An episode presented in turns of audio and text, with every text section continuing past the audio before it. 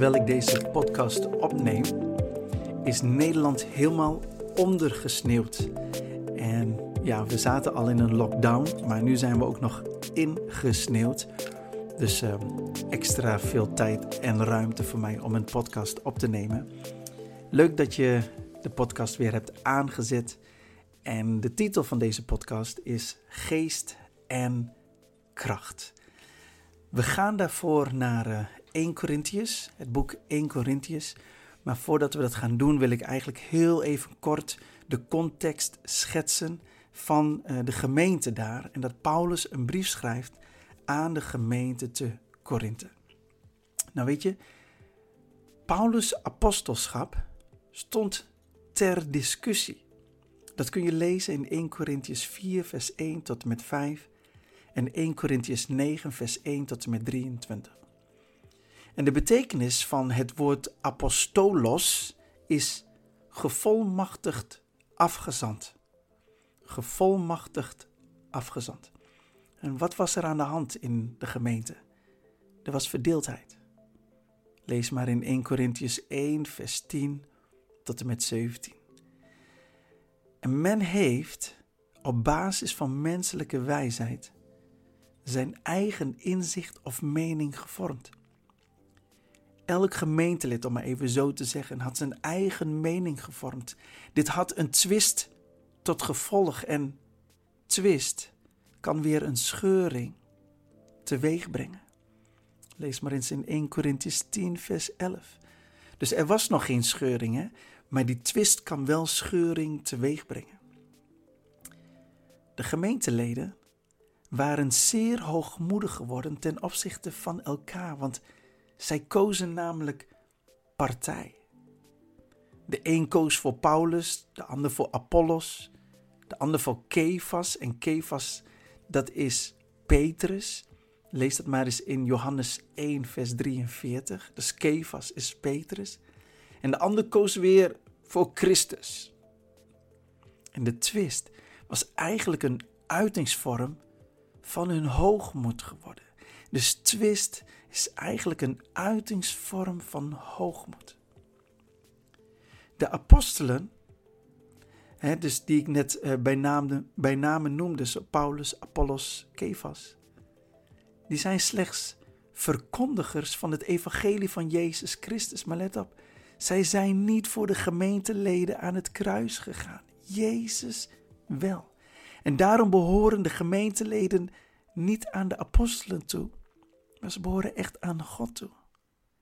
1 Corinthians 3, vers 23. Nou, nu ik dit zo gezegd heb, is dit een beetje de context. Dus er is eigenlijk verdeeldheid. Er is twist en dat kan leiden tot scheuring. En, en Paulus zegt eigenlijk, weet je, je moet niet zozeer voor ons kiezen, want, want, want daardoor, hè, voor ons, dus voor Paulus, Apollos of Kefas, en dat je partij gaat kiezen, want, want dat, dat leidt tot niets. Wij zijn allemaal gekocht en betaald met het bloed van Jezus. Wij behoren God toe. Oké. Wat ik heel even met je wil doornemen is niet met wijsheid van woorden. Dat is wat Paulus zegt. Niet met wijsheid van woorden. Laten we lezen in 1 Corinthians 1, vers 17. Want Christus, zegt Paulus, heeft mij niet gezonden om te dopen, maar om het evangelie te verkondigen. En dat nou komt hij. Niet met wijsheid van woorden. Om niet het kruis van Christus tot een holle klank te maken. Tot een holle klonk, eh, klank, sorry, tot een holle klank maken betekent zinloos. Dus Paulus zegt: Ik ben niet gekomen met wijsheid van woorden. Want als ik dat wel had gedaan, dan maak ik eigenlijk het kruis van Christus zinloos. En het is juist helemaal niet zinloos. Nou, en als we zo even uh, gaan lezen wat de theologen hierover zeggen, dan klinkt het als volgt. De uitdrukking wijsheid van woord zal zoveel betekenen als wijsheid die met welsprekendheid naar voren wordt gebracht. Wanneer Paulus het evangelie zou aanpassen aan dit streven naar menselijke wijsheid, zou het kruis van Christus zinloos gemaakt worden. dus wat ik nou net heb, heb, heb verteld, dat, dat zeggen de theologen, dat, die hebben dat zo mooi verwoord. En wijsheid die met welsprekendheid naar voren wordt gebracht, noemen we ook wel retorica. En ik ga je uitleggen wat retorica betekent.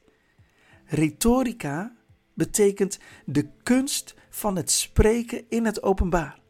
In het oude Griekenland was het een cruciale discipline, omdat welsprekendheid een van de belangrijkste voorwaarden was voor succes in de politiek. En Plato verachtte de retorica omdat ze zich alleen richtte op het overtuigen en niet op het zoeken naar de waarheid. Dus het was eigenlijk veel meer een discipline om mensen te overtuigen. Als ze maar overtuigd werden. Of het de waarheid was, dat was dan even niet zo relevant. En Paulus zegt: Ik ben niet met die wijsheid van woorden gekomen. Want als ik alleen maar met die wijsheid van woorden kom, dan maak ik het kruis van Christus tot een holle klank. Dan, dan heeft het evangelie geen inhoud. Dat is wat hij zegt. En Paulus die laat weten dat hij het evangelie juist niet vanuit een bepaalde welsprekendheid verkondigt. Zo zou hij het kruis van Christus zinloos maken, want het evangelie is namelijk niet gebaseerd op de wijsheid van mensen of op de wijsheid van Paulus. Sterker nog, het overtuigen van de mens behoort tot het takenpakket van de Heilige Geest. En dit lezen we in Johannes 16, vers 8. En als Hij komt, de Heilige Geest, als Hij komt, zal Hij de wereld overtuigen van zonde en van gerechtigheid en van oordeel. Dus Paulus zegt: Ik ben niet gekomen met retorica. Ik ben niet gekomen met wijsheid van woorden. Ik ben gekomen om het kruis van Christus te prediken. Kun je amen zeggen? Amen. De kracht en wijsheid Gods. Ik wil een paar teksten lezen, aan jou vertellen, aan jou voorlezen, waaruit de kracht van God en de wijsheid van God naar voren komt, die dwaas is voor deze wereld. Laten we beginnen met het eerste. Ik heb er drie. Nummer 1. De prediking van het kruis is de kracht van God. In 1 Corinthians 1 vers 18 daar staat: Want het woord des kruises is wel voor hen die verloren gaan, is een dwaasheid. Maar voor ons die behouden worden, is het een kracht Gods. De prediking van het kruis is voor degenen die Jezus hebben aangenomen de, een kracht Gods. Maar voor degenen die Jezus niet aannemen, is het een dwaasheid. Wauw. De tweede tekst. Het is niet mogelijk om God door menselijke wijsheid te leren kennen. En waar lezen we dat? Dat lezen we in 1 Corinthians 1, vers 21. Want daar de wereld in de wijsheid Gods door haar wijsheid God niet gekend heeft, heeft het Gode behaagd door de dwaasheid der prediking te redden hen die geloven. Nou, dat staat er een beetje lastig, maar eigenlijk wordt hier ook gewoon gezegd dat als je Jezus hebt aangenomen, al is de prediking van het kruis een kracht. Heb je hem niet aangenomen, dan is het dwaas. Maar in deze tekst gaan we eigenlijk weer een stapje verder dat Paulus ook zegt: het is niet mogelijk om God te leren kennen door menselijke wijsheid. Het is niet mogelijk om God door retorica te kennen. En Paulus zegt: en met die menselijke wijsheid ben ik ook niet gekomen. Ik ben gekomen dat wij de kracht en de wijsheid Gods mogen leren kennen door de Heilige Geest. Wauw. De derde tekst, en en dat, lezen we in 1 Corinthians 1, vers 22. Er staat immers, de Joden verlangen tekenen en de Grieken zoeken wijsheid. Doch wij prediken, zegt Paulus, een gekruisigde Christus. Voor Joden een aanstoot, voor heidenen een dwaasheid, maar voor hen die geroepen zijn. Joden zowel als Grieken prediken wij Christus, de kracht Gods en de wijsheid Gods.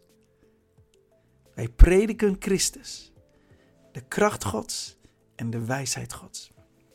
Wauw. Tekenen, wijsheid, aanstoot of dwaasheid. De gekruisigde Christus is de kracht en wijsheid Gods. Waarom benadruk ik dit zo? Omdat ik ook gewoon vandaag de dag tegen jou wil zeggen en tegen mezelf wil zeggen dat we onszelf een spiegel voorhouden. Dat ons geloof is niet gebouwd op retorica, is niet gebouwd op menselijke wijsheid, is niet gebouwd op een verhaal die iemand heel overtuigend kon vertellen. Nee, ons geloof is gebouwd op de kracht en de wijsheid Gods. En die vinden wij in Christus. De gekruisigde Christus die Paulus predikt. Daar is ons geloof op gebouwd. Kan iemand amen zeggen? Amen. Paulus, nogmaals, die kwam dus niet met retorica. Nog een keer, menselijke wijsheid of iemand die gewoon kan overtuigen. En, dan dat je, ja, en even los van het feit of hij de waarheid vertelt. Hè? Paulus kwam niet met retorica. Hij kwam met betoon van geest en kracht. En betoon betekent met de demonstratie van geest en kracht.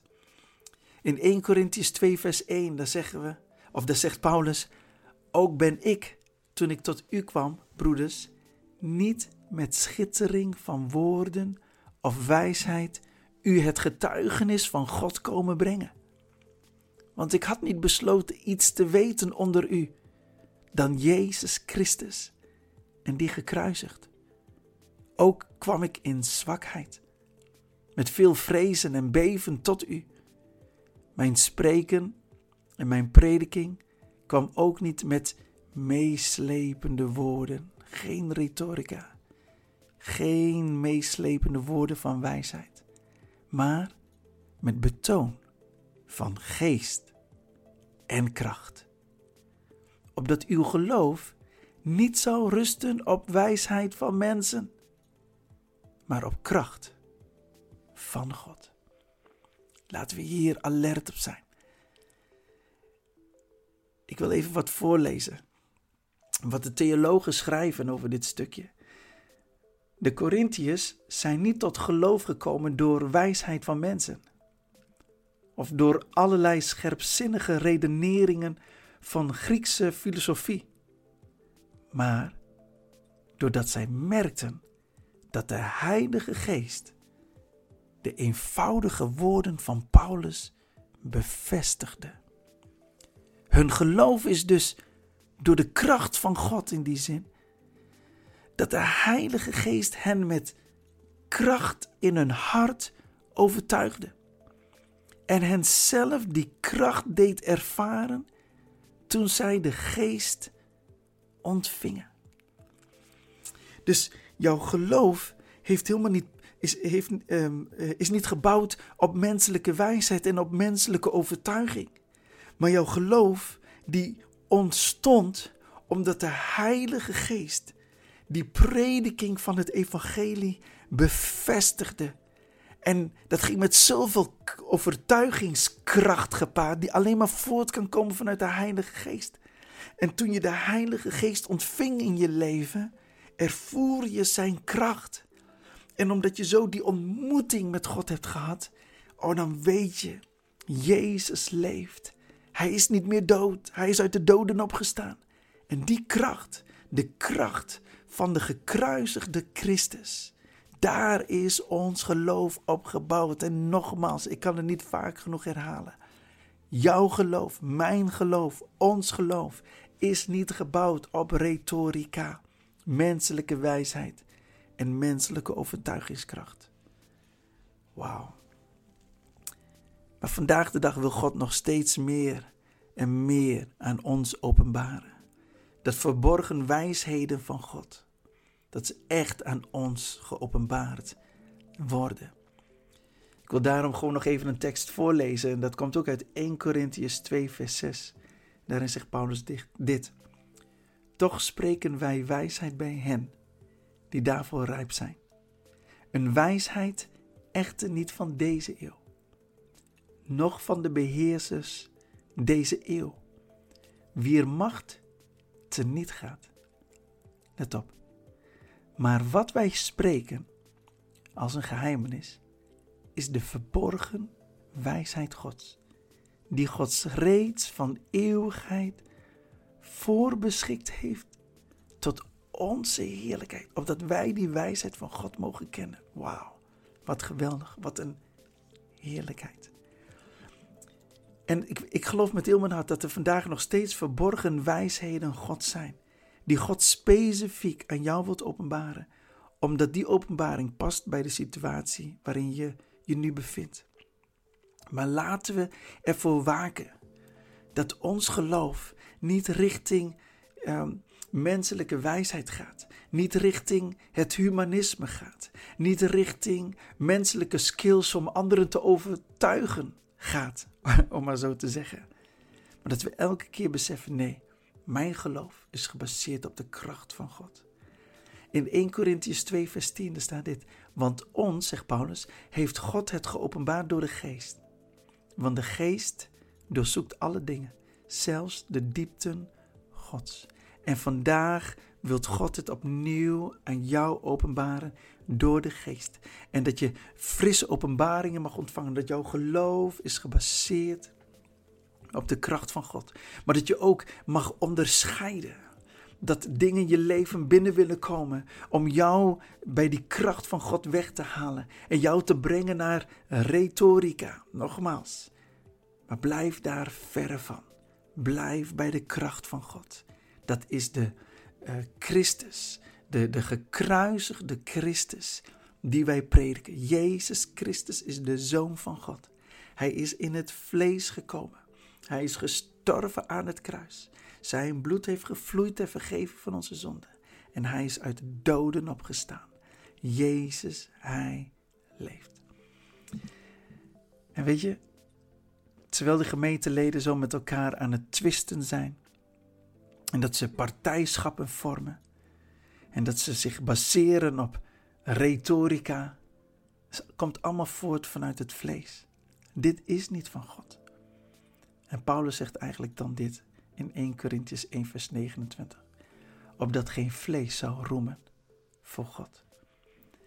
Dat wij tot geloof zijn gekomen is een initiatief van God. Het is geen initiatief van de mens. De mens kan niet roemen. Die kan niet zeggen, omdat ik zus, omdat ik zo ben ik tot bekering gekomen. Nee, omdat God ons genadig is. En omdat de Heilige Geest jou heeft overtuigd dat je een zondaar bent. En dat je een verlosser nodig hebt. En dat die verlosser Jezus is. En dat jij jezelf aan Jezus hebt gegeven. Daar is het initiatief, is begonnen bij God. Hij heeft dat initiatief genomen. Jij hebt je overgegeven aan Hem. En je hebt je uiteindelijk laten overtuigen en je hebt uiteindelijk ja gezegd tegen God. Wat zijn niet jouw werken? Dit is de genade van God. Waarom? Opdat geen vlees zou roemen voor God. Tot slot. Laten we alert blijven. Want wat de gemeente te Korinthe is overkomen, kan ons ook gebeuren. Ook wij kunnen hoogmoedig ten opzichte van elkaar worden. We vormen onze eigen mening, menselijke wijsheid. Dat kan uitmonden in een twist met een ander. In het ergste geval kan het leiden tot een scheuring. Ons geloof is niet gebaseerd op retorica, maar op de kracht van God. Luister. Alleen Jezus, de Zoon van God, is voor ons aan het kruis gegaan. Niemand anders. Hij heeft ons gekocht en betaald. Heilige Geest, help ons. Wij kunnen niet zonder u. In Jezus' naam. Amen. Heilige Geest, dank u wel voor dit moment. En ik wil u vragen of u mijn hart, of u onze harten wil doorzoeken. Zijn we zelf geen partijschappen begonnen? Zijn we zelf niet vervallen in de retorica? Ik wil gewoon eerlijk tegen u zeggen. Als dat zo is, Heer, wilt u mij terugbrengen bij u? Wilt u het aan ons openbaren? Dat we ons mogen bekeren van partijschappen in ons hoofd, partijschappen in ons hart, partijschappen in ons mond. Dat leidt tot twist. En twist is een uitingsvorm van hoogmoed. Dat we echt wel denken dat wij weten hoe het moet. Maar dat we mogen leren van de gemeente te Korinthe. Dat we onszelf mogen waarschuwen. Dat is niet de kant die we op moeten gaan. Want het zijn werken van het vlees. Heilige Geest, werk door ons heen. Help ons. Bekrachtig ons. En dat we vandaag opnieuw mogen beseffen.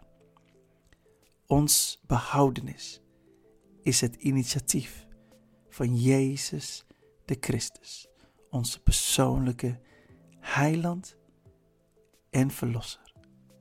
Dank u wel daarvoor. In Jezus' naam alleen. Amen.